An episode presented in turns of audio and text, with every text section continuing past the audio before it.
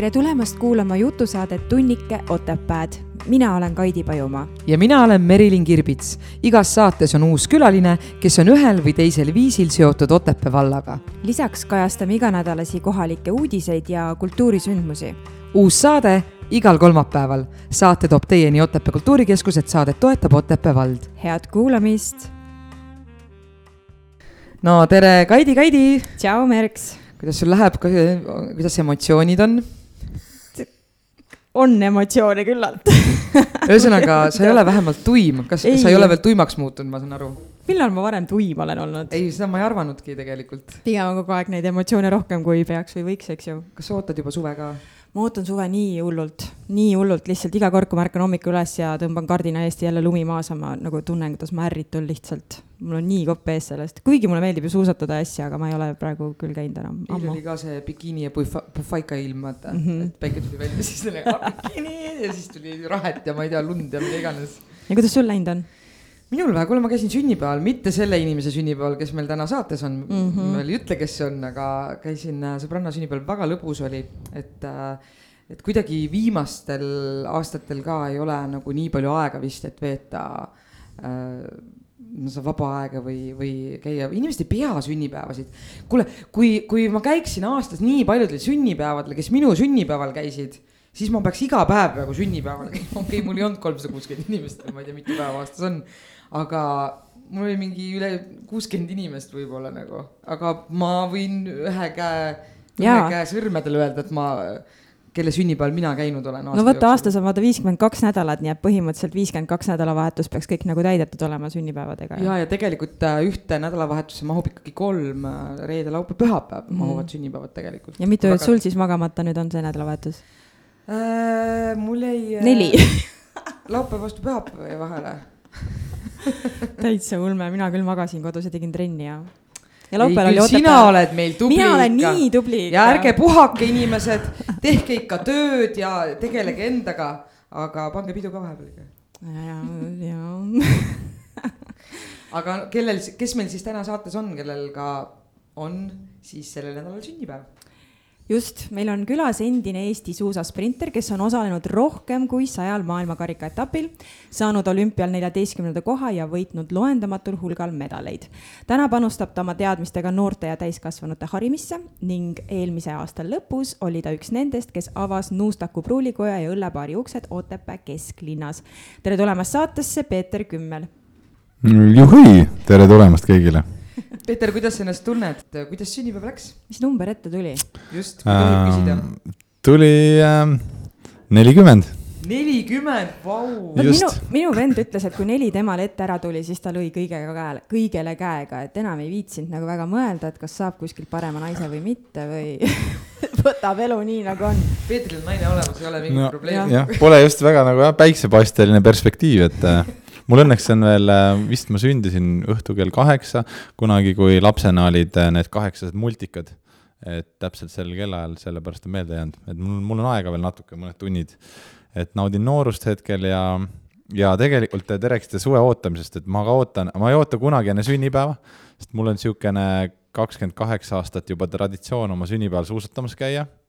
täna võtsin poja kaasa hommikul, sõitsime, lumeolud on fantastilised sõitsime ühe Kekkose ringikäärikul ja natuke peale ja tundub, et siin saab veel vist suusatada, aga no nüüd hakkan, hakkan nagu suve ootama, et kõik kohustused on maas, sünnipäeva suusasõit on tehtud mm,. Äh, mis veel teile huvitavat näidata, et praegu te näete mind sellisena ja siis me sünnipäeval eile olin ma selline mingi stiilipidu, ma saan aru, onju.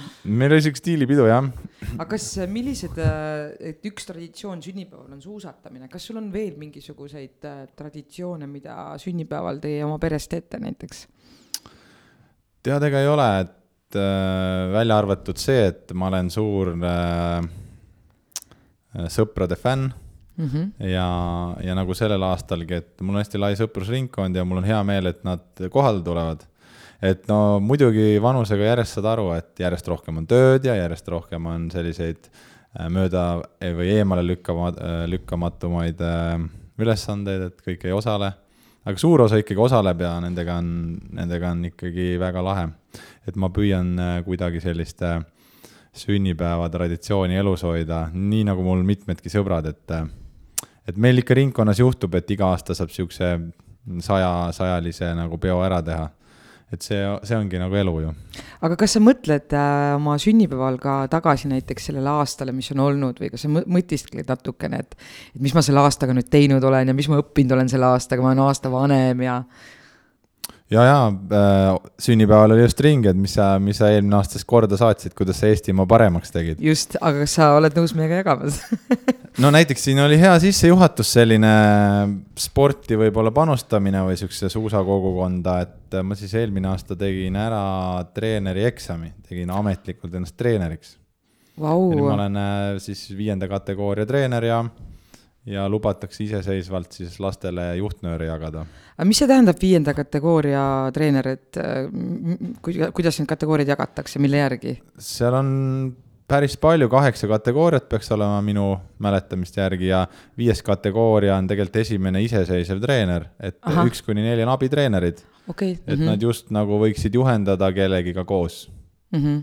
ja ja siis viies on treener, sihuke iseseisev ja edasi sealt on juba nagu öelda pagunitega treenerid aga mis sa tegema pidid seal, sa pidid näitama õppetunni tegema või mis, mis, mis need ülesanded olid, mis no nii, et... või mis sulle, sulle kui suusatajale lõpetati nagu, mis? no kõigepealt on see, et lõpetad ära selle, kas mingi spordi või meditsiinitaustaga kõrghariduse. ah siis, nii? jah, siis, siis mis sa veel teed, et ähm, siis sa nagu teed võib-olla mõnikümmend aastat sporti, et inimesed on veendunud, et sa midagi oskad ja, ja siis on teooriaeksam, et räägidki ära, tegelikult on pedagoogiline osa ja siis on erialane tehniline osa ja siis on spordiorganisatsiooni juhtimise osa ja ütleks niimoodi, et ähm, noh, kõik siis treenerid sinna jõuavad, et on erialaspetsialistid, et jagavad mm -hmm. matsu küll mm. -hmm. et kes siis, kui kirglikult nagu seda tööd teeb, on ju, see on nagu alati, meil on mõlemad, mõned siuksed säravamad isikud ja mõned vähem, aga, aga ma arvan, need ähm, testitakse kõvasti, jah. aga kust sul tuli see otsus, ma saan aru, et see oli enam-vähem viis aastat tagasi, kui sa mõtlesid, et aitab, et enam sa profitasandil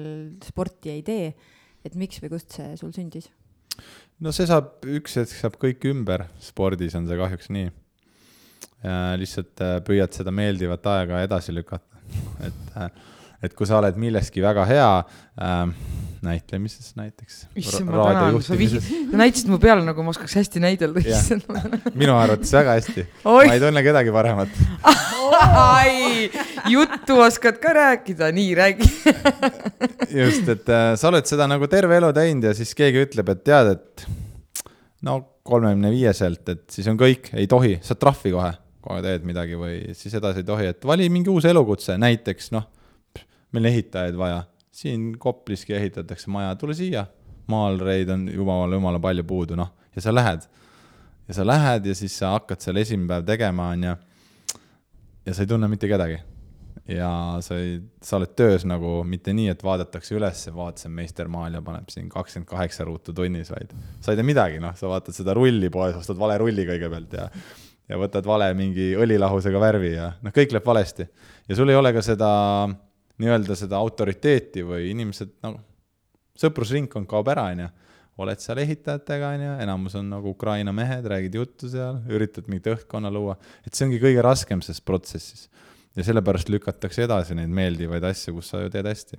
aga ehitustööd sa ju ei ole teinud või maalritööd või see oli ju suvaline näide praegu? ei, see oli selline utreeritud näide, kui sina ja. peaksid hüppama elus üle, et sportlastega juhtub sama, et sa pead selle spordi maha panema ja siis alustama täiesti nagu mujalt sõbrad on sul ju sportlased, sa maandud siin Otepääl, mina, okei okay,, ma tunnen Otepääl inimesi, aga tegelikult kõik tuleb uuesti üles nagu aga sportlasi töötada. valmistatakse sellest ka ette, selleks ka ette, et tegelikult äh, ütleme, et väga suur osa on ka see vaimne töö tegelikult ja vaimne pinge selle tippspordi juures, aga et kas valmistatakse ette ka sellest, et mingil hetkel on see kõik täiesti noh, et sa peadki ju, see saab ju mingil hetkel läbi ja suhteliselt nagu ma ütleks ikkagi noorelt, et äh, kas teid kuidagi valmistatakse ette selleks? See, seda ei valmistata Eestis ette ja see ongi üks väga nõrk külg.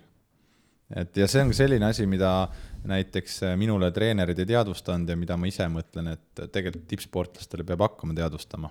absoluutselt. et sa pead aru saama, et see, sa pead olema valmis nagu üle minema, et üks hetk sa küll spordis sees mõtled, hea küll, ma lõpetan spordi, enam ei tee sporti mm. -hmm. sa ei mõtle seda, et see kogu elu suhted, sõpruskond, kõik need. see ei ole ainult sport, vaid Jah. see on kogu see, mis sellega kaasas käib, on ju et sa eemaldud ja see, need ongi rasked otsused.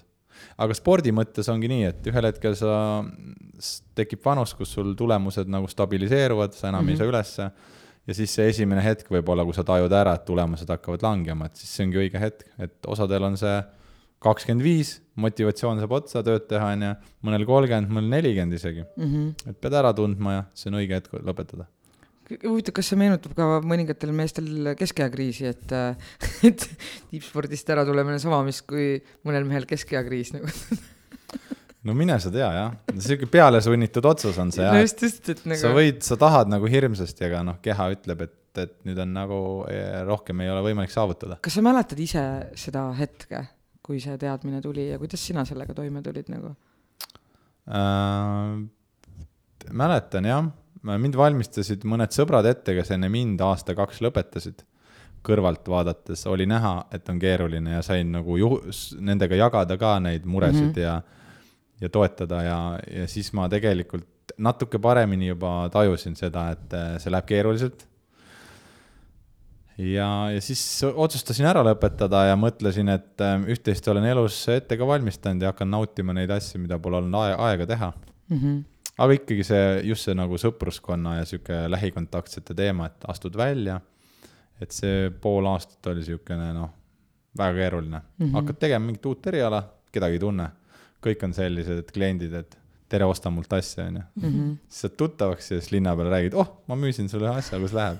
noh, umbes nii, sul ei ole nagu neid lähedasi mm. -hmm. Need lähe-, üks päev sa avastad, et need, kes sinuga kõik ringlevad tippspordis, üks elab Pärnus, üks elab Norras, üks elab mm -hmm. Lätis, kõik elavad ju tegelikult laiali. keegi ei ole nii, et kõik elavad Otepääl, terve Jaa. suur, suur grupp inimesi. ja see on päris crazy ikka, ega see kuskil see kolmekümne viie ja neljakümne vahel ju ongi nagu tippsportlastel või tipptantsijatel nagu tuleb see murdumishetk, kus enam nagu keha ei ole selline nagu kahekümnendates oli või enne seda, eks ju.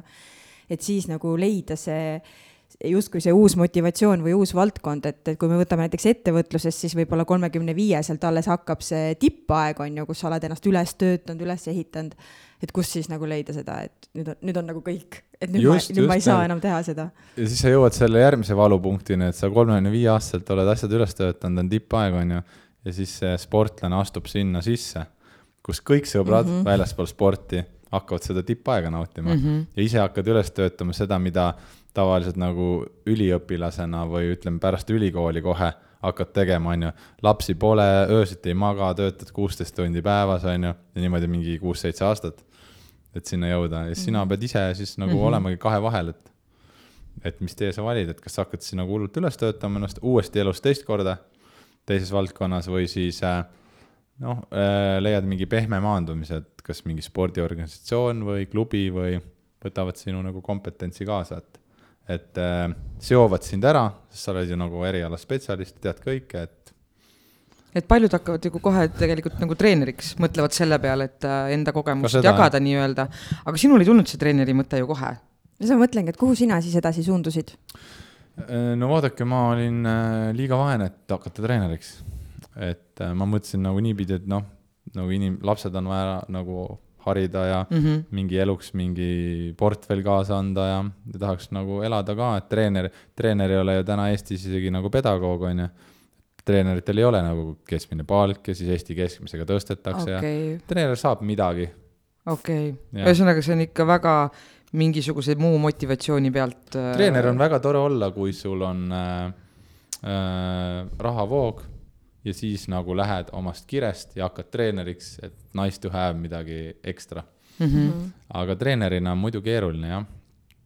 et äh, kindlasti elab ära, et kui sa teed hästi treenerit, elad ära, aga ütleme, et mitte sellisel tasemel, mis minul on ootus elule. Mm -hmm. aga kuidas siis, oota, aga kuhu sa siis suundusid, räägime siis sellest.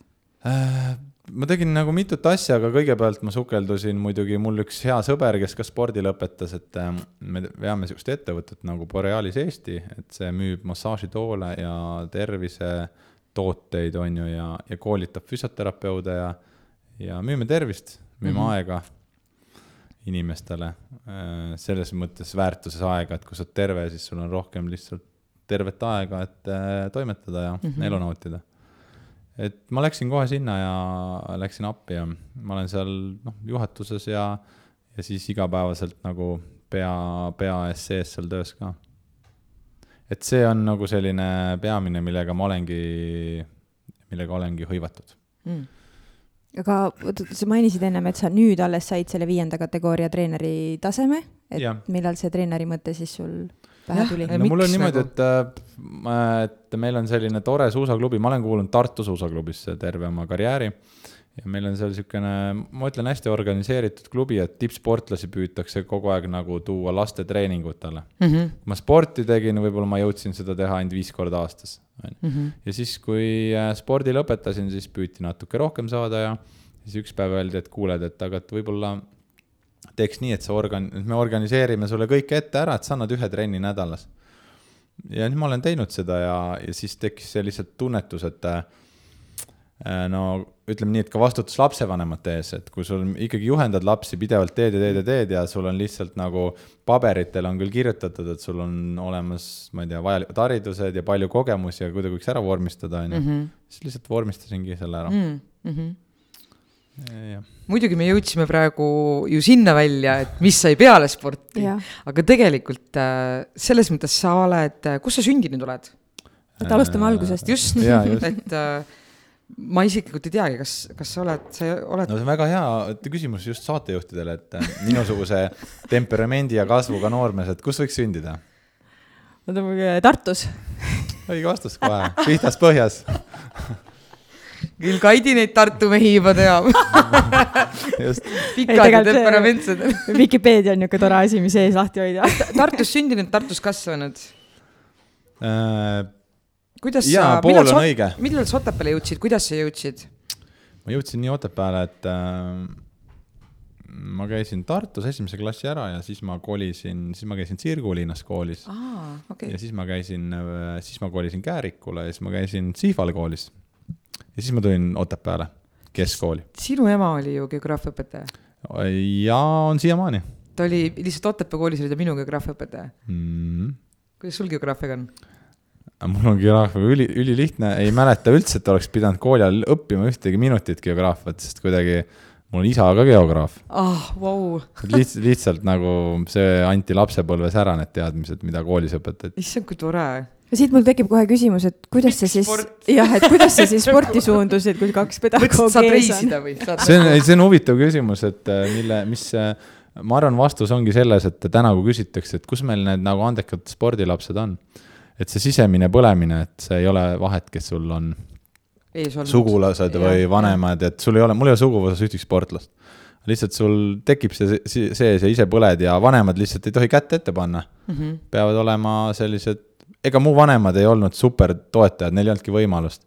aga nad olid sellised oskuslikud, et nad ei pidurdanud ja siis, kui natuke võimalusi oli, siis natuke aitasid kaasa, noh, igalt poolt niimoodi, et, et edeneks ja siis nii oligi. kas sa mäletad äh, seda hetke, millal sul nagu tekkis huvi või kuidas, kuidas sa jõudsid ikkagi selleni? oli sul mingi eeskuju või läbi kehalise kasvatuse tundide või kuidas see, kuidas see suusatamine sinuni jõudis? ma, ma olen, ma arvan, et äh, see vastus on jällegi selline lihtne, et ei ole midagi sellist ekstravagantset. et ähm, mulle on meeldinud terve elu olla milleski väga hea esimene. noh, see on aa, lihtsalt sul on see võistlus äh, Just. moment Just. meeldib sulle, see Just. adrekas selle juures et ja äh, ma olen ka nagu mingit tiimi asju teinud või ma kunagi ei ole seal tunnetanud, et no mingi meeskonnaga umbes oleks lahe jagada mingeid võite, et mul on alati tundunud, et ma tahan ise. see on hea omadus tegelikult. ma olen pigem see, et minge, minge, ma, ma võin viimane olla nagu. ja, ja siis äh, ma tegin, ma tulin tippsporti tegelikult üldse peotantsust. Ja siis ma kolisin ära Tartust ja Sirgulinnas ei ole peotantsutrenn. ja Jaa, siis okei. jah, just siis niimoodi oligi, seal oli väga aktiivne kehalise kasvatuse õpetaja, kes äh, palju äh, vedas mind ja sõpru kergejõustikku ja jooksma ja seal mm. -hmm. suusatamist ei olnud, aga mm -hmm. vedas hästi palju kaasa. tegime aktiivselt kergejõustikku. ja siis edasi oligi, noh, Käärikule kolides oli nagu lihtsalt nii loogiline samm, et äh, mul oli suusarada kodust, noh, viiskümmend meetrit Mhm. ja slaalomrada oli kaks slaalommäge oli nii kaugel, et panin kodust suusad õlale, jalutasin ise tõstuki juurde. noh, ja siis ei ole, ei millised oskagi, tingimused tegelikult midagi ei oskagi teha, meil ju arvuteid ei olnud, telefone ei olnud, onju, see Mhm. lihtsalt mm -hmm. elu oligi seal ainult. mm? -hmm. lihtsalt ema, ema pidi tihti tulema mäel öösel järgi mingi pimedas, et koju nüüd onju. et lapsed ja kõik lapsed olid nii, et see mingi terve küla käis niimoodi ju tegelikult trallimas. Aga siis sa läksid edasi spordikooli kuskile? siis ma treenisin tegelikult pikalt seal Käärikul, seal oli ka siukene, noh, te teate Kalmer Trammi vist, et see on mm, Mhm. -hmm. ta on ka siin Otepää Mhm. mm -hmm. spordis hästi aktiivne inimene olnud. nüüd ta Soomes.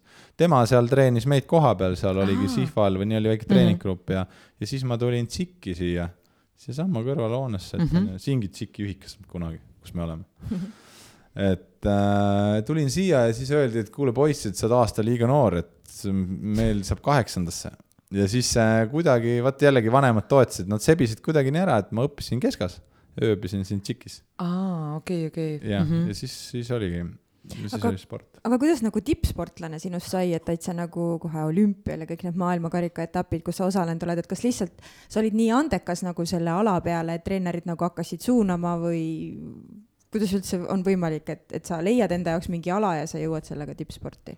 See on nagu loll järjekindlus, et sa lihtsalt esimesest päevast alates ütled, ma saan kõigest paremaks, siis paned viisteist aastat lapsena järjest ja siis kõik teised annavad alla. see enesekindlus peab olema, see usk sul on meeletu enesekindlus, kas on kõikides teistes eluvaldkonda, valdkondades on sul ka selline, ei ma saan. tead, ma ei oska öelda, et see, ma arvan, et on, kui ma mingi asja vastu leian kire, mõtestan ära, et see on midagi, mida ma tahan teha ja mulle meeldib, et siis ma olen järjepidev, jah. ma olen nii kade selliste inimeste, inimeste peale, sest mul on tunne, et ma olen nii pealiskaudne, et ma nagu teen kõike natukene, et mul ei ole seda, et ma võtan selle ühe nagu ja ma mis ei, asja, näitled ju küll ikka väga sügavuti. ja tipptasemel ja, ei, aga, ei, aga vaata see, kui see ei ole arvan- ja olümpiad ja, ja issand asja, ma ise pean ennast ju selliseks tubliks harrastajaks, ega no, ma ei pea isegi vahepeal ennast nagu. ise ei saa asjadest just, päris et hästi see on aru. ikkagi see eneseusk ja see nagu enesekindlus nagu ja see on lahe, ma kadestan ja ma üldistan nüüd, aga tihtipeale meestel on seda rohkem vahepeal, et sellepärast ma nagu, minu arust see on nii äge omadus ikkagi, ma tahaks ka nagu, kas just ongi tipptasemel ongi vist mehed, kui me võtame mingi, ma ei tea, võistlustants või võtame kokad või kõik on ikkagi mehed ju seal päris tipus. sportlased. natuke rohkem, ambitsioonikamad võib-olla. jaa, jah, no ma jah, okei okay,, paljudel naistel, noh, tulevad pered ja muud teemad on ju, sest meil on see, naistel on see nii-öelda hoolitsemise teema juba antud nagu ju ürgajast kaasa, sihuke loomulik instinkt ja sihuke noh, valime võib-olla mingisuguseid, ma ei tea, sotsiaaltöötajamesid või lasteaiakasvatajaid ja õpetajaid, eks ole. et, et tahaks vahepeal olla mees. mina tahan täiega järgmises elus mees olla, mulle järgmises elus sellest või? ja aga elame veel selle elu ka nagu ära, üheks et päevaks äkki piisab. ühest päevast piisab ühest päevast piisab ja siis oled tahad ära naine, olla. oled ära ja siis tuled tagasi, ütled jumala kurat, hea, sellist enesekindlust mulle küll vaja pole. kallis, too koju, vii ära, ikkagi kõik on hea, kui saab jätta Ikkagi meeste hea. peale. Et siin on omad miinused ka selles no. mis on meheks olemise miinus, no ma küll ei tea. see meheks olemise miinus, ma arvan, ongi see, see pidev vastutus. ma arvan, et isegi kui paljud mehed äh, äh, ju eriti tippjuhtidest, nad näitavad kogu aeg välja, et neil on nagu muretu elu, et äh, neil on kõik olemas, neil on suhted, kõik, kõik on head, siis tegelikult seal all toimub nagu meeletu igapäevane võidujooks stressiga. seepärast, et see oht on, et nad ei ela oma emotsioone niimoodi välja, nagu naised Jah. omavahel jagavad, et Jah. nad koguvad endasse ja sellepärast. mehed ei räägi selliseid asju.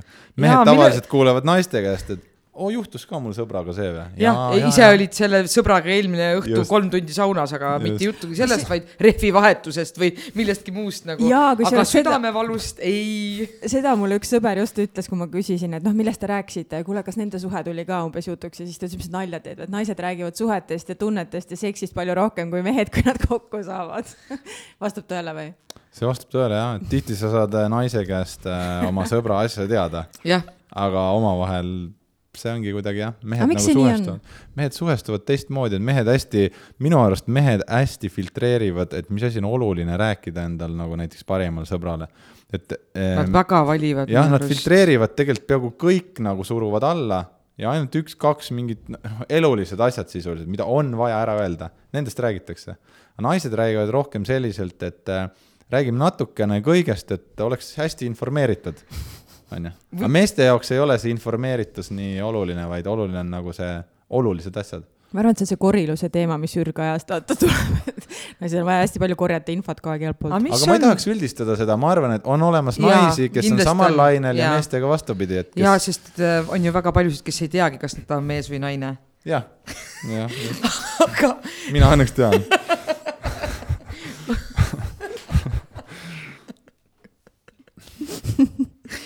nii äh, kui sa jõudsid spordikooli ja jõuame tagasi spordi juurde, kas, kas sul oli ka üks oma treener, kelle, kellest sa nagu hästi palju sõltusid, kes oli sinu eeskuju või kes sind õpetas või, või kuidas üldse, ma ei tea sellest midagi, et kuidas on, et kas sul ongi üks treener või, või sul on palju erinevaid treenereid? mul on viis treenerit olnud karjääri jooksul ja, ja õnne on olnud ka, et äh, väga väga, minu hinnangul nagu treenerid on olnud väga head, aga võib-olla nad ongi minu ei ole olnud head, et sobinud minu natuuriga mm. -hmm. on väga head olnud, spordikoolis suurt valikut ei olnud, tuldi siia, öeldi, sina oled Ene Aigro grupis mm. -hmm. ja Ene Aigro tegelikult osutuski väga heaks treeneriks, et äh, mis need treeneri kõige paremad omadused on see, et äh, nagu äh, ütleme nii, et kirega aidata kaasa last, kes on motiveeritud ja sa ei pea olema supertark vaid sa pead suutma ära näha, kes tahab teha väga innustunult ja teda siis nagu toetama, et ta mm -hmm. tunnetaks, et et mina saan oma pingutuste vastu treenerilt rohkem abi ja tähelepanu mm. -hmm. see ongi oluline. ja teine oluline asi on see, et, et äh, enesekindlus õigel hetkel lapsi üle anda, ehk et kui sa mingil hetkel tunned, jama, ma ei oska enam teda edasi arendada, ta on näiteks liiga proff minu jaoks või, või noh, ma ei oska enam kuidagi edasi viia, et omast arust teen kõik ära, mis oskan, aga nüüd on vaja veel. et sa ei jää seal lapsega kinni sellepärast, et taguda rinnale, et see on minu õpilane, näed mm, -hmm. minu laps läks mm -hmm. olümpiale. vaid et sa valid välja nagu hea treeneri, kellest sa usud, et ta võiks edasi viia ja viid selle lapse tema juurde ja ütled, tead, Peeter näiteks, et see on nüüd järgmine treener sulle, et mina ikka jään, vaata, aga ta nüüd aitab sind paremaks mm, -hmm. veenab ka last, et ma, ta ei jäta teda maha, vaid et eh, nüüd on nagu sinul võimalus, et edasi minna ja, ja mul on sellepärast õnnestunud, et mul on kõik treenerid olnud sellised, kes on hästi innustanud olnud ja kes on väga hästi niimoodi õigel hetkel tabanud, et nii, nüüd on minul ideed otsas, et nüüd mul on vaja ta suunata sinna, et ta saaks jälle nagu kõrgemale minna. aga kui sa ise treenid lapsi, siis äh, kas sa oled just võtnud äh, oma treeneritelt neid õpetusi kaasa, et äh, või milline treener sina oled? Mul ei ole praegu olnud sellist veel nagu õnne või ütleme nii, et nii pikka järjepidevust, et ma oleks kellegi noore nagu kasvatanud mingisse etappi, kus ma ütlen, et mm -hmm. mul jääb veits kogemusi puudu, mine nüüd mm. -hmm. et ma pigem on niimoodi, et ma, ma käin nagu sellise külalist, külalistreeneriga ja et mm -hmm. üritan lastest aru saada, et, et mida mina saan juurde anda, mida tänane treener ei tee mm. -hmm. et, et neile tuua trenni kas elevust ja siis muidugi seda ka kehalist arengut mm. -hmm. et äh, ma olen pigem selline, kes püüab näha, et kuidas lastele, lapsi äh, nagu innustunult hoida jätkuvalt spordi juures, et nad lihtsalt käega ei löö mm -hmm.. murdmaasuusatamine on nagu nii saadana raske spordiala, et, et seal, kui mõni tüdruk veel on, et see on niimoodi, et see on nagu, põhimõtteliselt nagu kullatükki pead hoidma. et mm -hmm. tüdruk ja murdmaasuusatamises, need on erilised kujud nagu karakterid. see on nii raske lihtsalt on see sport. ja see on, ta on füüsiliselt raske, selles ja, mõttes on ju. füüsiliselt ja. raske võib-olla see on hästi rumal küsimus, ega ma ei ole nii pädev nagu sellel alal, aga, aga murdmaasuusatamine ja suusasprinter, et äh, ma saan aru, et sprint tähendab nagu kiiret minekut, et äh, äkki sa seletad lahti siis rohkem, et mis see, mis erineb siis tavalisest äh, murdmaasuusatamisest? mis variandid on, on veel nagu, ma saan aru, et noh. või see on nagu etapp edasi või? Seal on, ei, seal on niimoodi, et noh, suusatamises nagu ka jooksus on ju, et on kiired jooksjad ja on siis need vastupidavad jooksjad. pikamaa jooksjad. pikamaa jooksja, jah, jah. suusasprindis nagu see tõesti eksitab, et, äh, et suusasprint on ju tegelikult tuhat viissada meetrit, see on nagu jooksus keskmaa jooks mm. -hmm. nii, ja siis seda tuleb päevas neli korda veel sõita mm, -hmm. et kokkuvõttes keskmaa jooksjad ütlevad, et te lolliks läinud, et me ei suudaks seda teha. aga ikkagi on sellised erinevused tulevad, et need, kes sprinti sõidavad, suusatajad, tavaliselt on sellised äh,, ongi võimsamad kasvu ja nad on nagu oma võib-olla lihaste poolest plahvatuslikumad, nad no ütleme, et suudavad suuskadega kiiremini sõita. ja siis need, kes sõidavad pikimaid, need kolmkümmend kilti, viiskümmend kilti, et need suusatajad on siis sellised hästi-hästi vastupidajad, nad ei peagi olema kiired, aga noh, nad on siuksed tavaliselt kleenukesemad ja aga nii, et füüsiline vorm ikkagi või kuju või pikkus ja kõik see ja, oleneb palju, ikkagi suusatamise juures.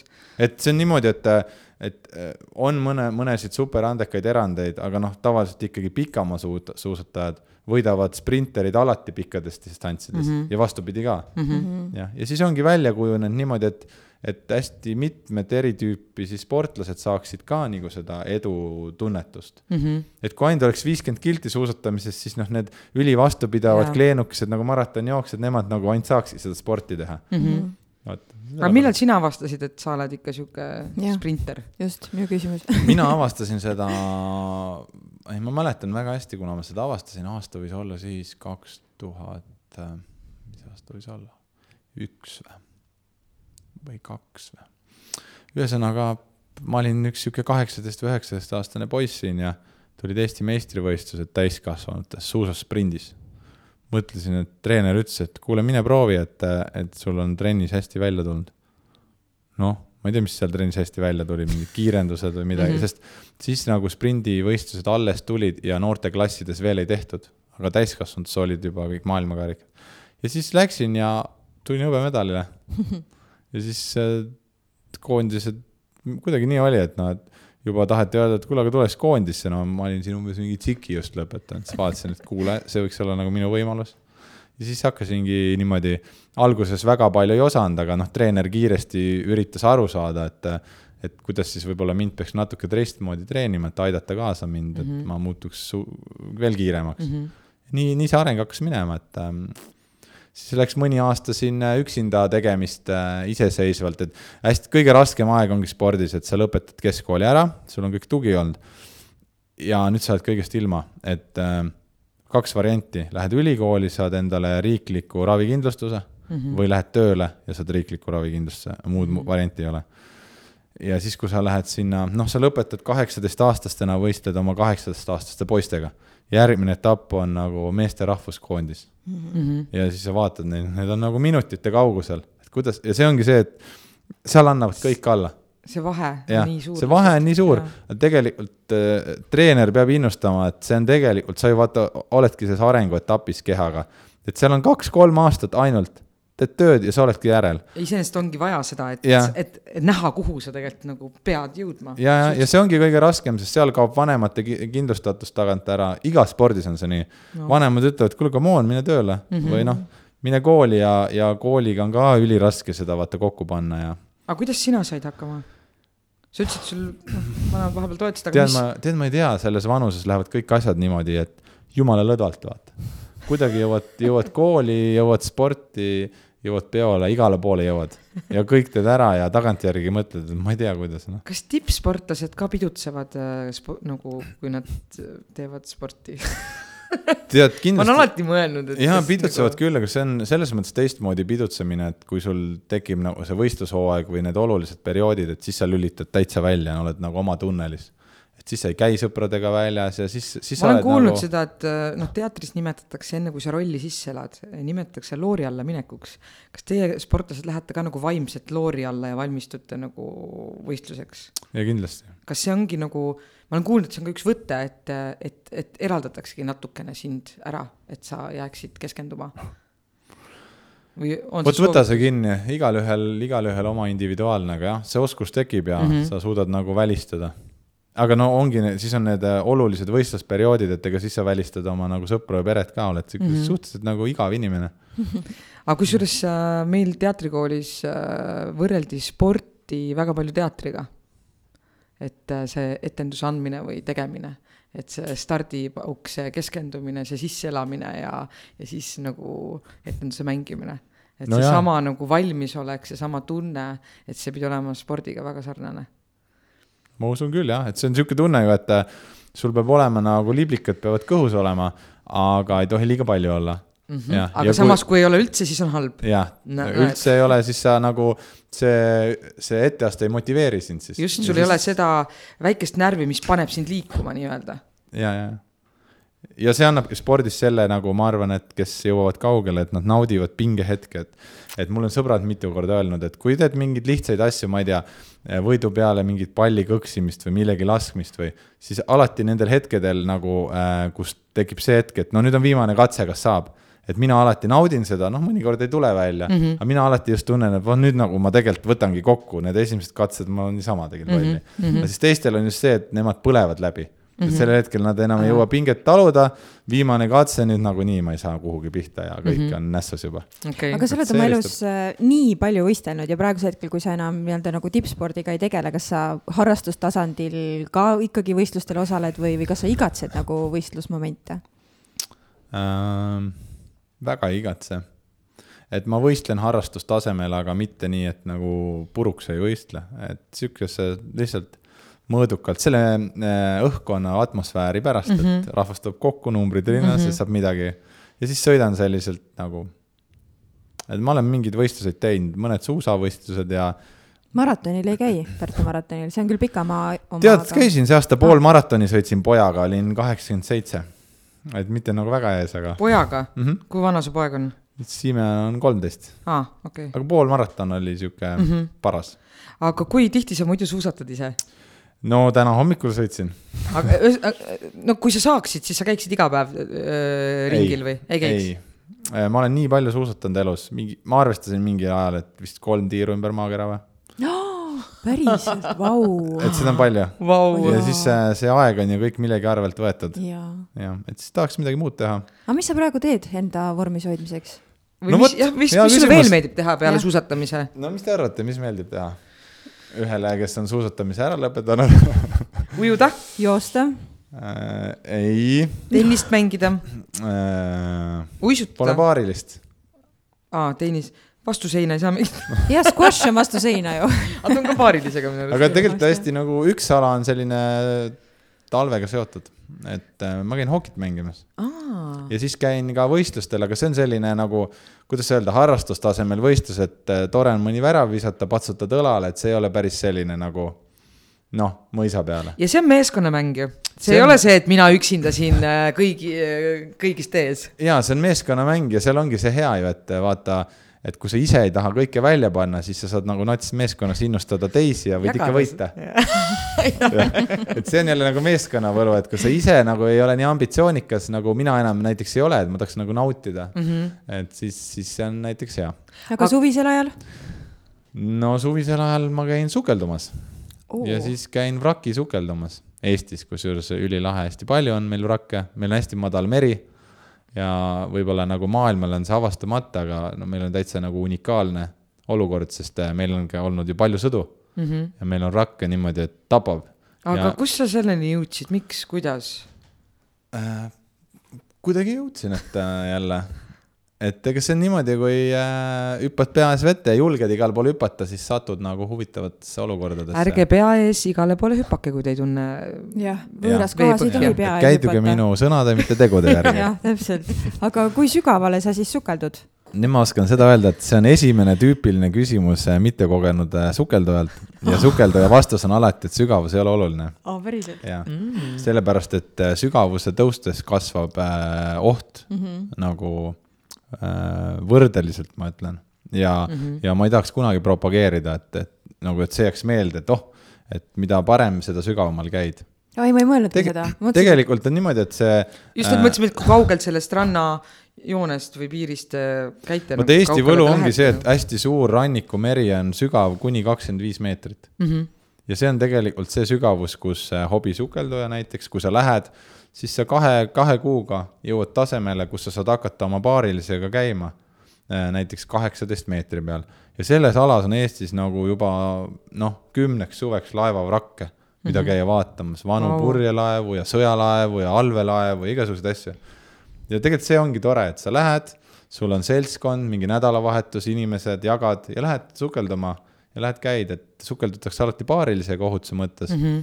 ja sa lähedki, käid ja sa lähed sinna vee alla ja ja me käisime siin kaks suve tagasi näiteks Hiiumaal, äh, kus nad leidsid lõpuks üles ühe suure pur-, rootslaste purjelaeva, mida on räägitud umbes tuhat seitsesada lõpp midagi, läks äh, jää lõhkus ära, ta jäi mm -hmm. jäävangi.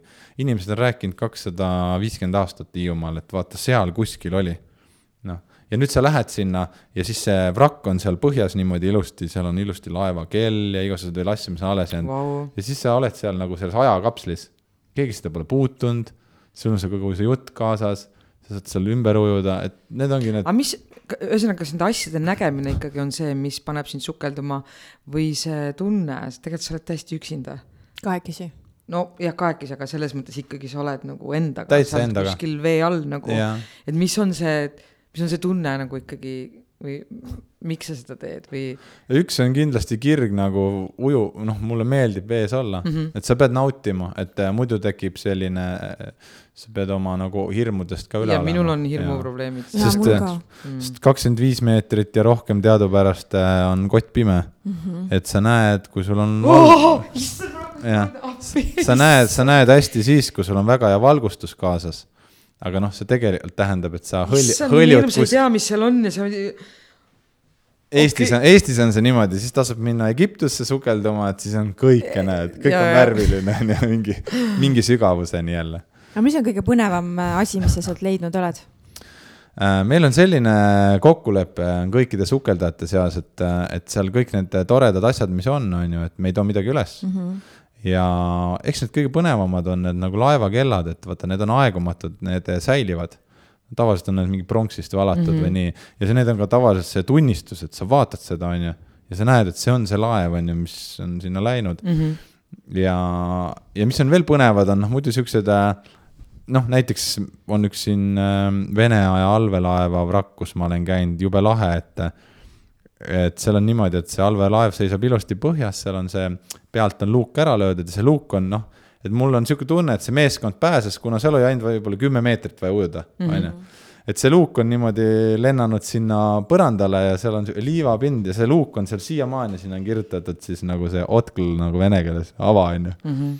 no et sa, sa näed seda lugu ja sa kujutad ette, et aa, nii võis juhtuda. et seal on ja. päris inimesed äh, toimetanud. päris inimesed nagu... on reaalselt võib-olla seal siis nagu õnnelikult välja saanud, et äge, ei äge.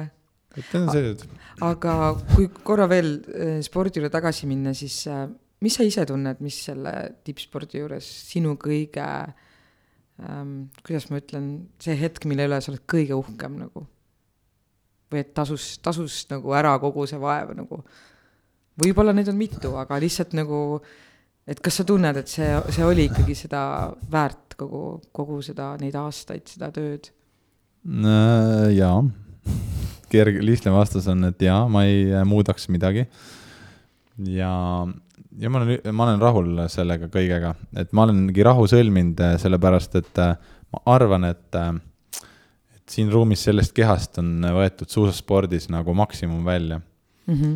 et ma arvan, et see oligi maksimum, et tuleb mm -hmm. siis rahule jääda, et noh, ju siis nagu loodus jättis nagu grammike äh, Äh, vähe või nagu grammike andmata, et oleks päris medalit tulnud mm. -hmm. aga, aga ma arvan, see on ka nagu tubli etteaste ja, ja see tegelikult, see elu selle ümber ja, ja nagu tänane see, ütleme, et rahvusvaheline sõpruskond ja Eestis sõpruskond ja need on seda väärt mm. -hmm. et siuksed ja. kui palju sa oled saanud tegelikult reisida maailmas tänu sellele, on ju? Just, äh, üks asi on see reisimine, aga ma pean alati toonitama, et need on olnud nagu nii kitsalt siukses mhm. professionaalse eesmärgiga reisimised, et. et lennujaam ja see suusarada ja. just, et ma olen mõnes riigis nii ära käinud, et ma täna mõtlen, et noh mm, -hmm. et ma vist peale selle nagu suusastaadioni ja bussis olemise nagu mujal ruumis nagu ei olegi viibinud selles mm -hmm. riigis et sa, sul ei jää seda aega, aga noh, me püüdsime, nii kui natukene jäi mõni päev pärast võistlust aega, et siis me natukenegi näha, et tekiks see tunne, et ma käisin siin. just, üritasime nagu, nagu siis ikkagi näha mm. -hmm.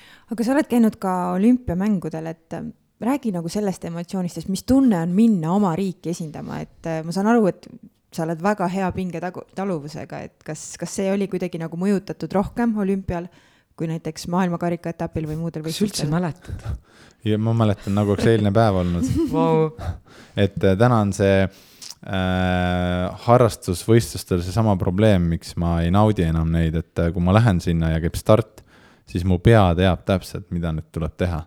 aga mm. keha ütleb, et ei, ei, seda ma ei taha enam teha just, et see mhm. tegelikult, see jääb nagu eilne päev meelde minule küll. ja, ja võib-olla äh, kõige eredamalt jääb meelde siis äh, olümpia Vancouveris, sest mm -hmm. äh, lihtsalt olid väga ilusad ilmad nagu kookpäikest, palju lund, seal oli väga avatud nagu publik ja ja ütleme, noh, seal oli väga nagu ilus, et äh, elamine oli meil väga tore ja siukseid hästi palju siukseid spordirajatisi, kus said nagu olümpia vahel käia. ja, ja see muidugi on see kogemuse tõustes sportlastel tekib see erutus, et mida otsustavam võistlus, seda rohkem sa suudad leida motivatsiooni, et tugevamini pingutada. et see töötab vastupidiselt kui algajatel, nendel on, tekib rohkem stressi ja siis nad mm -hmm. ei mhm. suuda saavutada mm. -hmm ja siis see tekib ja lõpuks ongi niimoodi, et sa oled siin Eesti meistrivõistlusel stardis ja sul ei ole ühtegi liblikat kõhus mm. -hmm. et sa võid niimoodi öelda, mõelda veel, et noh, keegi hõikab, et kuule, sul on kolm minutit stardini, võtad need suusad või? ja rahulikult ma võtan, täpselt jõuan, ma tean, kolm sekundit enne, noh. Et sul on, sul on nagu nii maas on see kõik, et sa pead lihtsalt kogu aeg rajal töötama sellega, et sa pingutaksid mm. -hmm. jah, et see on. aga see on nii huvitav, et sa mainisid äh, ilusat ilma ja seda, kus te elasite ja seda publikut, et nii lahe, et see kogemus või emotsioon tuli hoopis nendest asjadest, mitte ainult see, et mida sa saavutasid. et see on minu jaoks nagu praegu üllatus ja nagu tore selles mõttes, et sa mäletad seda kõike, seda emotsiooni, mis seal ümber oli. Ja mäletan hästi. Ja, ja mul on veel sealt üks väga sihuke emotsionaalne kogemus äh, vabatahtlike väliseestlastega, et äh, et Vancouveris nagu ma sain ka tõsiselt aru, kui nagu Äh, kui tähtis on nagu omada oma riiklust, on ju. et meil olid abis seal sellised mingid kaheksakümne aastased väliseestlased, kes hüppasid seal mingi jeebirooli ja siis transportisid meid kogu aeg võistlustele iga päev. Nad olid hommikul nagu kukelauluga olid ukse ees ja, ja kui nemad, kui kirglikult nad rääkisid, kuidas nad umbes armastavad Eestit ja, ja eestlasi ja et nad on jumala tänulikud, et neid kutsuti siia vabatahtlikeks, et nad saavad meid aidata. siis sa kuulad ja mõtled neid, et noh, et see ongi tegelikult see väärtus mida me siin igapäevatoimestustega nagu unustame vahepeal ära, sest see on nagu nii elementaarne siin kõik -hmm. on ju, aga et inimesed elavad äh, väljaspool meid riiki ja nad näevad väljast, kui hästi nagu tegelikult nad on uhked oma riigi üle. just, just, jaa. et see on nagu, see tagasiside on niisugune, et sa saad sealt, tõstab kõrvust. aga kas sina soovitaksid äh, noortele, juba lastele ja juba algusest, et soovitaksid sa tippsporti ähm...? kogeda oma elus. ära mõtle on... selle peale, mis on õige vastus, vaid. Äh, seda on raske soovitada, on üks asi mm. -hmm. ja seal rajal on väga palju ohte ja üks oht on see, kui vanemad hakkavad äh, täide viima oma. luhta läinud unistusi. saavutamatu unistusi, jah. ja kõige parem on see, et äh, soodustada võimalust, et lapsele hakkab sport meeldima või kehaline aktiivsus ja seda saad ainult soodustada nii kui sa oled ise eeskuju, võtad nad kaasa ja teed palju asju lapsena koos, siis tekib see võimalus, et tal tekib mingi niisugune väike, nagu öeldakse, isegi sõltuvus, midagi teha, mingit joosta või ujumas käia või midagi kogu aeg teha. ja sellest sõltuvusest on siis see, et sa pead kuulama, et kas tema sees on see väike pisik, kes ütleb, et ma olen nüüd trenni, et ma tahan näiteks veel kiiremini ujuda ja siis, kui ta tuleb, ütleb, et emme, et kuule, ma tahan nüüd trenni minna, vot siis on see sinu koht, kus sa saad öelda tubli, et ma aitan sind, on ju. et äh, lähed trenni ja ma tulen vaatama sind, kui sa võistlustel käid ja, aga mitte nii, et äh, jah, ütle, millised kõik viimased äh, suusad ma pean sulle ostma, ma kohe ostan mm. -hmm. vaid pigem ikkagi see, et äh, ma tulen sind vaatama, kui on vaja kuhugi kaugele laagri minna, ma kindlasti aitan, püüan mm -hmm. sulle selle, selle väikse raha leida ja ma ei tea, vahepeal sind vaatamas käia, vaid sa nagu kogu aeg julgustad. ja siis nüüd sõltub edasi ainult lapsest, et kas ta järjest tahab nagu paremaks saada ja siis see õnnestub. aga kui sa sekkud vahepeal ja ütled mm, -hmm. et davai, treeni rohkem, et veel paremaks saada, siis sa hakkad hoopis nagu demoraliseerima, sest siis hakkab laps tundma seda pinget, et ma teen nagu omast arust hästi, aga vanemad pole minuga rahul, et ma olen kehva, ma pean veel rohkem treenima. ja siis töötab risti vastu. arust see oli päris hästi öeldud, et ole eeskujuks liikumisele, et mm -hmm. tihtipeale öeldakse, et mine nüüd trenni, ma viin su sinna, aga tegelikult algus, et sa teed temaga koos, et tegelikult see eeskuju, vanemate eeskuju on see, mis tegelikult tihtipeale motiveerib, motiveerib lapsi nii-öelda üldse midagi tegema. jah, sest nad ju õpivad ju jäljendades tegelikult, et just. see on see ekraaniaeg ka, et nii, piirame nüüd sinu ekraaniaega, aga ema-isa istuvad ise telefoni taga diivani peal, on ju. oota, kas sinul on üks laps või mitu? Minul on kaks. just, aga kuidas sina oma lastega, kui sa siin räägid teoorias väga hästi, aga kuidas praktika? no täna käis suusatamas ja ma käisin täna pojaga suusatamas. vabatahtlikult tuli kaasa äh,? ja, väga hea meelega tuli ja, ja meil oligi nii, et noh, et meil oli spordiarsti ka vaja ja siis me panime need nagu kaks asja hommikul kokku ja, ja siis ta veel nüüd jõudis kooli ka. kas temast saab sportlane? Vot sellele vastusele oskab tema ise vastata. ei, ma mõtlen see spordiarst, mis, ma ei saanud täpselt aru, mis. see spordi, need on niimoodi, et ta, lapsed, kes käivad trennis, tema ja. näiteks käib siin Kagu-Peatlonis laskesuusatrennis aa, laskesuusad, aa. nagu päris paljud siin lapsed Mhm. ja las-, laskesport poistele meeldib. ja, aga siis on selline teema, et äh, sa pead nagu vastutustundliku vanemana käima külastamas spordiarsti, hea kui üks kord aastas okay., veel parem kui kaks. Kes lihtsalt teeb lihtsad mõõtmised, kontrollib, et mingi südamearütmat ei Ja, oleks ja, ja, ja, hingamisteed ja Mhm. vot, et selliselt. turvad.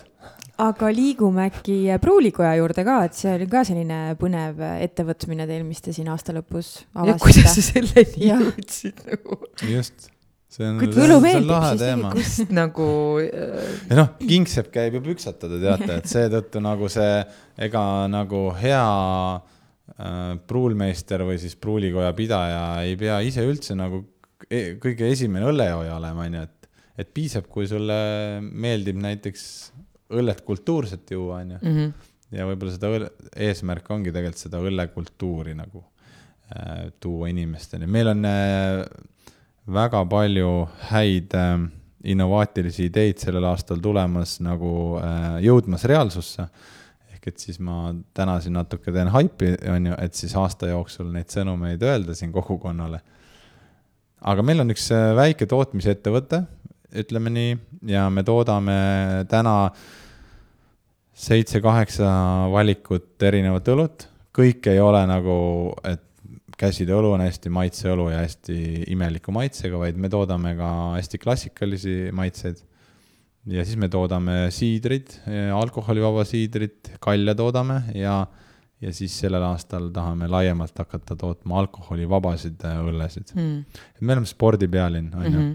ja minu, minu enda niisugune sisemine põlemine ongi see, et jõuda selleni, et tegelikult alkoholivaba õllekultuuri vähemalt sama tugevalt mm. -hmm. siis nagu propageerida. aga ikkagi, kuidas see idee jõudis esimese õlleni nagu, kust, kuidas see nagu, no see on, tegelikult me tegime siin äh, koos ühe, ühe hea inimese, sõbra Andrusega, kes, kes täna tegelikult meil pruulmeister ei ole, aga kes on niisugune kirglik äh, kodupruulija mm? -hmm. temaga me alustasime ja, ja kuidagi see nii tekkis, et noh, mehed ikka ju teevad mingi vahepeal mõne külapeoks mõne õlle ja onju mm. -hmm., hakkasin vaikselt tegema ja, ja Andrusel eriti kukkusid hästi välja need ja, ja, ja siis me, siis me tegime üks kolm-neli aastat niimoodi, et ähm, rentisime kellelgi pruulikoda, tegime ühe õlle, õllekoguse ära mm. -hmm. siis suve peale müüsime kõik ära. Mm -hmm.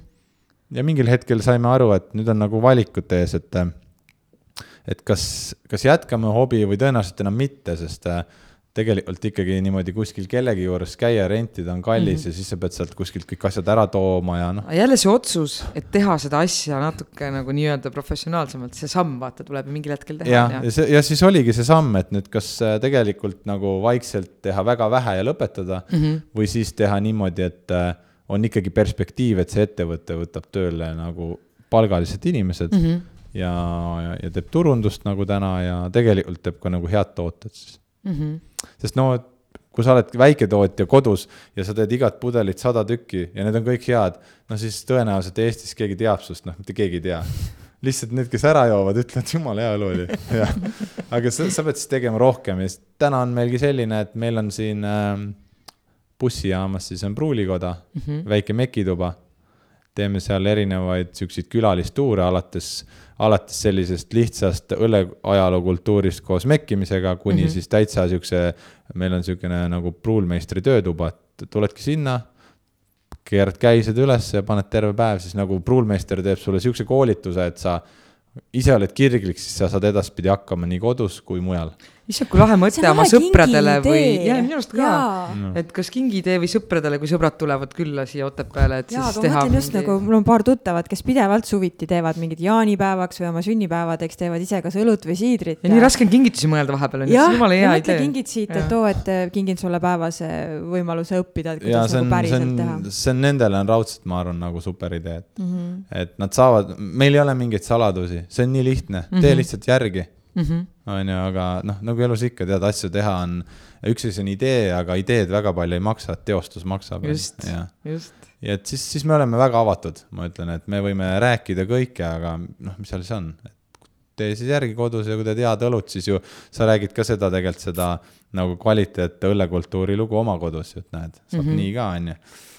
ja noh, müügi juures nagunii tuleb lihtsalt turundusmängu, ega seal muud ei ole ju, et see ja, ja suur turundus on üks asi, aga no äh, basic on see, et äh, see toode peab olema väga hea, kui me ise tootesse ei usuks, siis ei julgeks kunagi turundust teha. just, sa pead ja. ise ja. aga kas te müüte neid tooteid ainult endal seal pruulikojas või kuskil laiemalt ka kauplustes või? täna me müüme baarides? näiteks Elva ja Põlva kuupides müüme ja tahame Tartus müüa ja tahame varsti Tallinnas kuupis müüa ja ja tegelikult selle tootmisega praegu nagu võidu jookseme ka sellega, et kuidas need nagu äh,, kuidas need müügipinnad siis endale hankida mm. -hmm. ja suvemüüke teeme siin, meil on, me oleme sihuke suveürituste sari, kus me see aasta aktiivselt osaleme mm. -hmm. meil on sihuke lahe mingi haagis mm. -hmm oma värvides. aga siin Pruulikojas äh, on see kuidagi lahti ka mingil aegadel, et saab koha pealt õlut osta? jaa mm., jaa, see on reede, laupäev, pühapäev ja siis meil on äh, nädala sees tavaliselt teisipäev, kolmapäev pruulmeister teeb lihtsalt tööd mm. -hmm. ja see on kogu aeg lahti, sa lihtsalt, seal on kirjutatud ukse peal, et katsu usta mm. -hmm. ja siis, kui see on lahti, siis ta.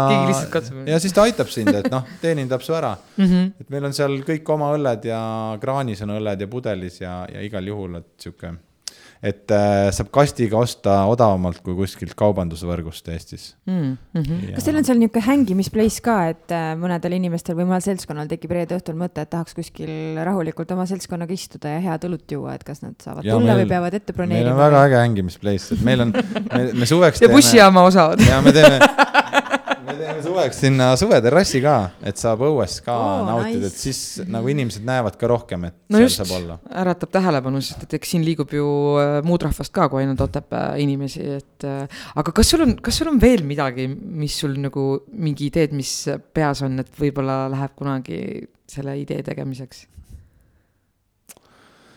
mis ära rääkida? Või no, sa, sa ei pea rääkima, kui on saladus, siis ei, aga kas, kas.... praegu on ikka nii, et mul on kaks ettevõtmist, on ju, et mm -hmm. ma tahan nagu nende, nende all on mul päris palju erinevaid ideid, et mm -hmm. äh, pruulikohal ongi veel mitu ideed, mis me siin suvel paneme eetrisse. aga muidu äh,, muidu nagu äh,, nagu kümmet jumalat ei tohiks teenida mm. -hmm. et äh, võib-olla siin, ähm, vaata, sa ütlesid ennem, et äh, sulle tundub, et ma teen kõike pealiskaudselt. aga see tegelikult, see tegelikult mm -hmm. on, paljudel on selline tunne. ma ütlen, et olulisem on see, kuidas sõbrad sind näevad mm. -hmm. ja kui sõbrad ütlevad, et kuule, et vaata, sa suudad ikka mingit asja päris hästi teha, mhm. on ju, siis tegelikult see äh, nagu väljund on selles, et äh, tegelikult sa teed hästi asju. sest me oma peas teeme nagu, tundub, et kogu aeg sadat asja -hmm. aga tähtis on see, et sa mingid olulised asjad keskendud rohkem, fookust rohkem ja siis need Äh, nii nagu ägedad asjad natuke ka teed mm, -hmm. jah aga Peeter, on sul mõni, äh, me, äh, meie tund hakkab lihtsalt täis tiksuma, et ma küsin, et on sul mingi mõte või idee, millega sa täna siia tulid, millest sa kindlasti nagu rääkida tahaksid, aga mida me ei ole jõudnud näiteks avada veel oo, see on selline, et võtab sõnatuks, et te tegelikult ei valmistanud midagi sellist ette. Ei valmistanud midagi sellist ette. Äh, mul on üks äh, südamelähedane teema selle, ütleme, et, et noortega, et noored Otepääle jääks ja, ja ma olen seda ise mõelnud, et noh, miks siis ei jää, on ju, et miks minnakse ära. Ja lahendust ka ei ole, aga põhjus ongi selles, et, et isegi kui sa tahad siin ettevõttega alustada, et mis meie miinus on, et, et kus sa siis alustad, et siin ei ole nagu just seda nagu äripinda meil ja et seda ka juurde tekitada on ka väga keeruline ja see ongi niisugune nagu väikelinna lõks võib-olla, et äh, no enamjaolt pole lihtsalt erialast tööd, reaalselt, et kui ma ja. tahan kuskile tööle minna, aga ei ole minu erialast, et see, et muidu võiks vabalt elada näiteks. et võib-olla siis nagu kõige käegakatsutavam oleks, et kui oleks see niisugune nagu kutsutakse see nagu mingi avatud inkubatsioonikontor või et sul oleks lihtsalt see töö place ja, ja kuidagi nutikalt suudaks siia niisugust nagu kaugtöö nagu võimalust luua või promoda seda või niimoodi, et inimesed reaalselt saakski teha läbi arvuti tööd, oleks mingi niisugune suur open office niisuguste kaasaegsete võimalustega, aga lähed sinna kohta lihtsalt ja maksad mingi sümboolse rendisumma, kaks eurot päevas ja teed tööd ja suht.... äriidee sulle. jah, ma loodan, et see inimesed kuulavad. et keegi korjab ülesse selle. kellel on jah pinnad ja kes mõtleb, et kuuled, et ma saaks selle ära teha, et siis tõesti nagu võib-olla kohe ei teeks, ei tormaks, uuriks natukene mm, -hmm. räägiks noortega, räägiks omavalitsusega, et see tundub kõige käegakatsutavam. ei vaja tohutut ruumi mm, -hmm. inimesed saavad siit teha intelligentset tööd kaugelt. ja noh, selline on aga liigumegi meie saate viimase küsimuse juurde. enne ma tahtsin küsida, kuule, kas sportlased tantsivad ka? ikka tantsivad. just, mis, mis, äh, mis muusika järgi sulle meeldib tantsida? Mul lihtsalt vaja ühte. on sul mingi lemmik? mul on vaja lihtsalt muusikalist, mul on vaja ühte on, lugu mulle, lihtsalt. mulle meeldib selline tantsumuusika, kus ei laulda. vot ei oskagi öelda. sa oled ju vana peotantsija ka ju, see tuleb sellest ah,, sul on, kas sul muidu need poognad on meeles, mis ta seal? no midagi on ikka meeles, mingi tšatša ja rumba ja valss ja tangot ja no mingid siuksed kõik, mis on klassika, need ikka, põhisammud on meeles, ma arvan mm -hmm. jah, teeb ära ühesõnaga, aga muusika siis. lemmiklaulu ei ole siis praegu sul? ilma sõnadeta. ei ole, lemmiklaulu ei ole. ei ole lemmiklaulu mm? -mm. sa pead oma laulu üles otsima äh,. aga ma võiks öelda, et selle aasta nagu parim laul, mis meelde jäi, oli see Elina Eurovisiooni laul, aga mingi remix'iga on hea variant. Elina Netšajeva? jah ah., tal oli mm -hmm. Remedi oli mm, -hmm. jah. mingi lugu oli. mingi lugu oli. otsin selle üles. see lugu on ja keegi on väga hea tantsumuusika remix'i sellele okay, teinud. okei okay. mm, -hmm. aga nüüd siis aga meie saate viimane, viimane küsimus on jah. see, et äh, on sul mingi mõttetera või tsitaat, mis äh, on sind siis kas kandnud läbi sinu elu või tekkinud nüüd viimasel ajal, mille, mida sa iseendale näiteks kordad, kui ei ole olnud kõige kergem päev? jaa, et ära esimese tagasilöögi peale alla anna. see tuligi väga kiiresti kas sa tõesti kasutad seda kuidagi mingil kindlal hetkel või, või? ma püüan kõikidele inimestele, kes midagi kirega teevad, seda öelda, sest tagasilööke tuleb nagu väga palju mm. -hmm. ja see edu ainult tulebki siis, et kui sa neid, neid kõike lahendad ära see on vist jah see, et oluline ei ole see, mitu korda sa põlvili kukud, vaid oluline on see, mitu korda sa üles tõused. ei ole sellist tegevust ei spordis, äris ega äh, ega ma ei tea, siis kultuuris või kuskil, et niimoodi, et ma valin sellise geniaalse asja, mida kellegi, keegi pole selle peale tulnud ja muga, mul ei ole ühtegi tagasilööki, ainult edu mm. -hmm. see, seda ei ole olemas, et see, on ka tegelikult ju perekonnas ja suhetes ja kõiges, meeskonnatöös ja kõiges. et lihtsalt, äh, kui sa näed kriitilist äh, hetke, siis äh, teadvustage endale, et see on tagasilöök. et nüüd on see lihtsalt, ongi see olukord, mis juhtus ja on, tuleb tegelema hakata, et issand, mul oli nii vaja praegu seda kuulda, mul on selline tunne, mõeldes praegu iseenda elu peale, aga jah. aga Peeter, ülitore, et sa võtsid meie kutse vastu, et sa tulid ja et sa oled äh, Otepääle tulnud ja Otepääle jäänud. aitäh sulle. Teile ka. You give me the key and reason why I believe in the power of love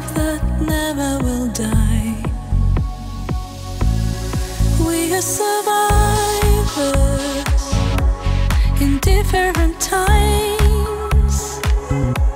Our souls are made to light up the sky like a day after night.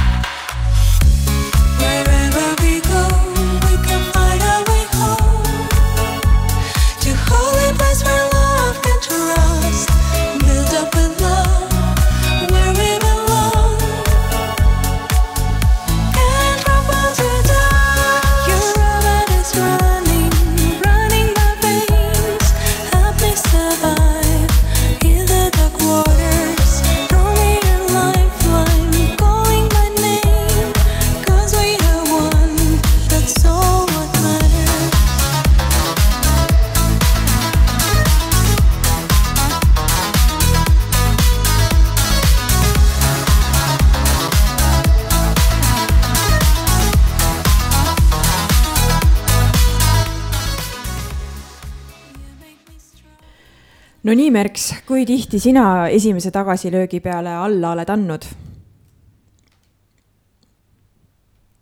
ja vaikus võttis maad. ma ei tea, kas mul on üldse tagasilööke olnud tead, ma. sina oled üsna kui... niisugune vintske selg, mul on tunne. tead, ma ei oska öelda, aga ma arvan, et äh, oleneb asjast oleneb, kas see on, kui väga ma seda tegelikult teha ikkagi tahan mm. -hmm. sest kui ma väga ei taha teha ja see on võib-olla mingi kohustus mm, -hmm. siis ma arvan, et hea on võtta tagasilööki vabandusena, et mitte teha. aga kui ma ise seda tahan väga, siis ma arvan, et äh, ma võin minna üle laipade jah, või siis teine asi on ka see, et kui palju sa ise tunned, et sa oled äh, juba panustanud ja endast andnud. et võib-olla on ka see, et, et ma olen juba sada kümme protsenti andnud ja mu, ma, ma, ma tunnen, et ma võib-olla nagu midagi rohkemat ei oskagi teha ja siis tulevad mingid tagasilöögid või kriitikanooled, siis see tõmbab nagu lihtsalt see, et äkki ma ikka ei tee nagu päris seda asja mm, -hmm. mida ma mhm. peaks tegema et see oleneb vist hästi palju nagu situatsioonist ka. absoluutselt, jaa. et kui see on mingi sporditulemused või mingid need, siis on veel võib-olla see, et noh, keha oli väsinud või võib-olla ei saanud õigesti treenitud või toidet, toidud, toitutud või magatud, puhatud. aga, aga see oleneb jah vist valdkonnast. või sellest antud äh, ikkagi asjast ja et kui palju ma seda ise tegelikult teha tahan, et ja. see on nagu aga eks neid e-, erinevaid hetki tuleb ikka ette. jah, sest vaata, kui sa tunned, et sa teed seda asja nagu südamest ja siis tulevad mingid tagasilöögid, siis võib-olla ongi see, et, et ma lähen ikka edasi, sest ma tean, et see on õige asi, ma tean, et see on, on nagu väärt tegemist. ja oleneb tagasilöögist, on ju. selle suurusest ja kõigest, see on nagu nii erinev. on jah, aga hea mõte ikkagi ei, kindlasti, et äh, ega, ega tegelikult Peeter ei oleks, ma arvan, nii rõõmus ja särasilmne, kui, kui ta tegelikult oleks alla andnud. et ma kindlasti see tippspordist ära väljatulek, äh, kui keegi sind ette ei valmista, ma kujutan ette, et see võib päris äh, vaimselt päris suur katsumus olla et.... ja, ja kui äh, enesekindel, issand, see oli nii silmi avav, kui enesekindel võib olla üks inimene ja, ja mitte lahe. üldse, ja mitte halvas mõttes, vaid täiesti ja. nagu heas mõttes, et. ta on leidnud endale uue väljundi ja, ja ta läheb särasilmselt edasi, ta ei see... alusta tegelikult nagu, ta läheb edasi, sa näed, et ta ja. nagu noh, tal on see rõõm ja motivatsioon olemas ja ma ei tea. kuidagi nagu see, et sa ei pea olema nagu selline tagasihoidlik ja alalhoidlik, et oh, mis nüüd mina ja, vaid ongi see, et jah, ma tean, et ma oskan ja teen ja. jah, siin ma olen ja. võtke või jätke on ju, et väga-väga nagu värskendav. minu arust ka värskendav, värske sõõm sellist äh, nagu. elurõõmu ja tahtejõudu ja järjekindlust. ei ole see, aga mis nüüd mina, ma siin olen siin, ma ei ole midagi väärt, kiitke mind jah, või siis see, et äh, nelikümmend äh, saabus ette ja tegelikult on veel äh, pool elu ees. absoluutselt, või siis isegi rohkem. või siis isegi rohkem, täpselt. nii, Merks, mis meil uudis siin Otepää vallas äh,? alates märtsikuust on Otepää avatud noortekeskuses tööl uus noorsootöötaja Katrin Lang. Katrin Lang on äsja Otepääle kolinud ta on lõpetanud Tartu Kutsehariduskeskuses rekreatsioonikorralduse eriala ta on lõpetanud ka Tartu Kunstigümnaasiumi. varasemalt on ta töötanud Yes spordis müügispetsialistina ja Katrini kontaktid leiate Otepää valla kodulehelt ikka www.otepaa.ee kahekümnendal aprillil kella viieteistkümnest seitsmeteistkümneni Otepää vallavalitsuse volikogu saalis on võimalik kohtuda Otepää valla ettevõtjatega. üles astuvad mitmed esinejad, kes käsitlevad erinevaid teemasid, nagu näiteks Otepää ettevõtlusvaldkonnas, turismivaldkonnas, samuti on need, äh, oodatud igasugused ettepanekud saab kaardistada vajadusi, rääkida koostöövõimalustest, kaasamisest, igasugune infovahetus ja loomulikult ka aktiivne arutelu, nii et äh, palume registreerida osalemist hiljemalt seitsmeteistkümnendaks aprilliks aadressil külliki.pikk.otepaa.ee. Külliki on siis Y-ga ja rohkem infot leiab selle kohta samuti Otepää valla kodulehelt otepaa.ee Prantsusmaal Valseenis märtsi lõpus toimunud lahtistel para-alpi ja murdmaasuusatamise võistlustelt võitis otepäällane Hans Teearu neli kuldmedalit. Vau, Vau, palju õnne, aplaus Hansile. äge, äh, osa võttis kakskümmend üheksa delegatsiooni, sada kaheksateist alpisuusatajat ja viiskümmend viis murdmaasuusatajat Otepää Tervisekeskus pakub aprillist alates lööklaineteraapiat. uus seadeldis asub Otepää Tervisekeskuses füsioteraapia kabinetis. lööklaine ravi näidustuseks on krooniline valu. rohkem infot leiab selle kohta Otepää valla kodulehelt otepaa.ee kultuurkapitali Valgamaa ekspertgrupp kutsub osalema infopäeval teisipäeval, kahekümne kuuendal aprillil kell kuusteist kuni kaheksateist teabepäev toimub Otepää kultuurimajas, palume kõigil osalejatel eelnevalt registreeruda. registreeruda saab kuni kahekümne neljanda aprillini e-posti aadressil valgamaa at kulka.ee teabepäev on kõigile tasuta, küsimuste korral saab infot teha mandlilt viis kaheksa kaheksa kuus üks neli üks üks päästeamet keelas alates seitsmendast aprillist veeõnnetuste ärahoidmiseks ja inimeste ohutuse tagamiseks Jõgeva, Põlva, Tartu, Valga, Viljandi ja Võrumaa siseveekogude jääle mineku. keelu alt jäeti esialgu välja Tartumaal Saadjärv, kus püsivad head jääolud ja on suur avalik huvi säilitada tipp- ja harrastusspordi taseme jääpurjetajate treeninguvõimalused. jääolusid Saadjärvel kontrollivad tähelepanelikult päästjad ja jääpurjetajad, et olude muutumisele kohe reageerida. mujal Eestis on siseveekogude jääle minek juba varasemalt keelatud alates esimesest aprillist on Otepää vallavalitsuse sotsiaalteenistuses tööl ennetusspetsialist Marju Karavin. ennetusspetsialisti üheks tööülesandeks on Ukraina sõjapõgenike alase töö koordineerimine Otepää vallas. kes soovib Marjuga kontakti võtta, siis leiab vajalikku info Otepää valla kodulehelt ikka www.otepaa.ee ja kultuuri osas siis nii palju, et neljateistkümnendast kahekümne neljanda aprillini olete oodatud nautima neljakäigulist erimenüüd Maitsev Ugandi kevad kaks tuhat kakskümmend kaks. Ugandi peakokk ja köögiässad üllatavad taas piirkonna elanikke ja külalisi hõrkude ning naudinguid pakkuvate eriroogadega. sel korral on nende menüü mõjutatud mõtetest Ukraina sõpradele ollakse, nad on kombineerinud Ukrainale ja Eestile omased maitsed isuäratavateks toitudeks neljateistkümnendal aprillil Nõuni kultuurimajas kell üheksateist toimub munadepüha pidu. lisainfo kultuurikorraldajad Marika Viksilt viis kolm neli kuus viis kuus neli kaheksa. ja viieteistkümnendal aprillil on Nõuni kultuurimajas kell üheksateist kolme kandetuur. Eestis saavad kokku kolm kanget kanneldajat, kes on oma riikide Äh, ühed tugevamad mängijad. Lätist Laima Jansone, Soomest Maia Pokela ja Eestist Eeva Väljaots. ja pilet on seitse eurot ja kümme eurot, äh, lisainfo www.folk.ee ja muidugi saab lisainfot äh, kultuurikorraldajat Marika Viksilt viis kolm neli kuus viis kuus neli kaheksa viieteistkümnendal aprillil GMP Club hotell ja Pühare, Pühajärve restoranis kell üheksateist null null toimub peakoka gurmee õhtusöök Austrid ja mereannid. peakokk Koit Uustalu kutsub eksklusiivsele õhtusöögile, mille võlusõnaks on mereannid. laua broneerimiseks võtta ühendust restoran.gmp.ee või helista telefoninumbril viis null seitse kolm kolm seitse neli kuueteistkümnendal aprillil Sangaste kultuurimajas kell seitseteist toimub Rukki narride etendus Heldur ja naised. jant ühes vaatuses ja lugu mehest, kelle tähelepanu ja armastust kõik naised otsivad. Heldur on kaval ja elukogenud, mistõttu oskab ta naisi väga hästi meelitada ja ära kasutada.